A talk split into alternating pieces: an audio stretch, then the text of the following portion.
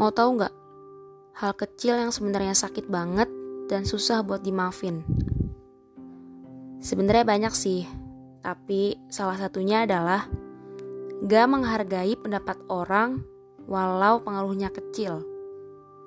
Ya diremehin, direndahin, lagi ngejelasin ide atau opini kita tapi malah dipotong dan gak diperhatiin. Apa? Mau bilang pundung? Baper? Iya pundung, kalau cuma sekali dia ngerasain ya wajar. Tapi kalau berkali-kali dia ngerasain itu, apa coba pengaruh buat dia? Dia makin ngerasa rendah, gak berguna, gak bisa apa-apa. Dan yang lebih parah, dia udah gak percaya kalau bakat dia pantas untuk dilihat dan dikembangkan.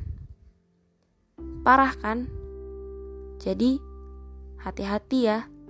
Hati-hati banget dalam bicara. Jangan sampai kamu jadi dalang redupnya mutiara yang harusnya bersinar.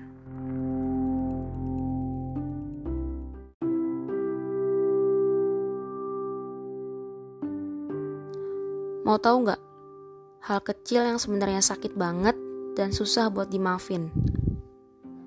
Sebenarnya banyak sih, tapi salah satunya adalah gak menghargai pendapat orang walau pengaruhnya kecil ya diremehin, direndahin, lagi ngejelasin ide atau opini kita tapi malah dipotong dan gak diperhatiin.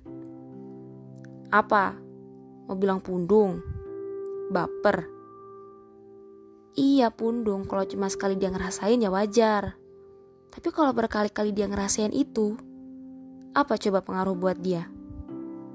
Dia makin ngerasa rendah, gak berguna, gak bisa apa-apa.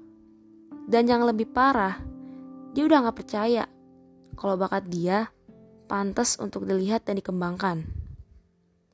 Parah kan? Jadi, hati-hati ya. Hati-hati banget dalam bicara. Jangan sampai kamu jadi dalang redupnya mutiara yang harusnya bersinar.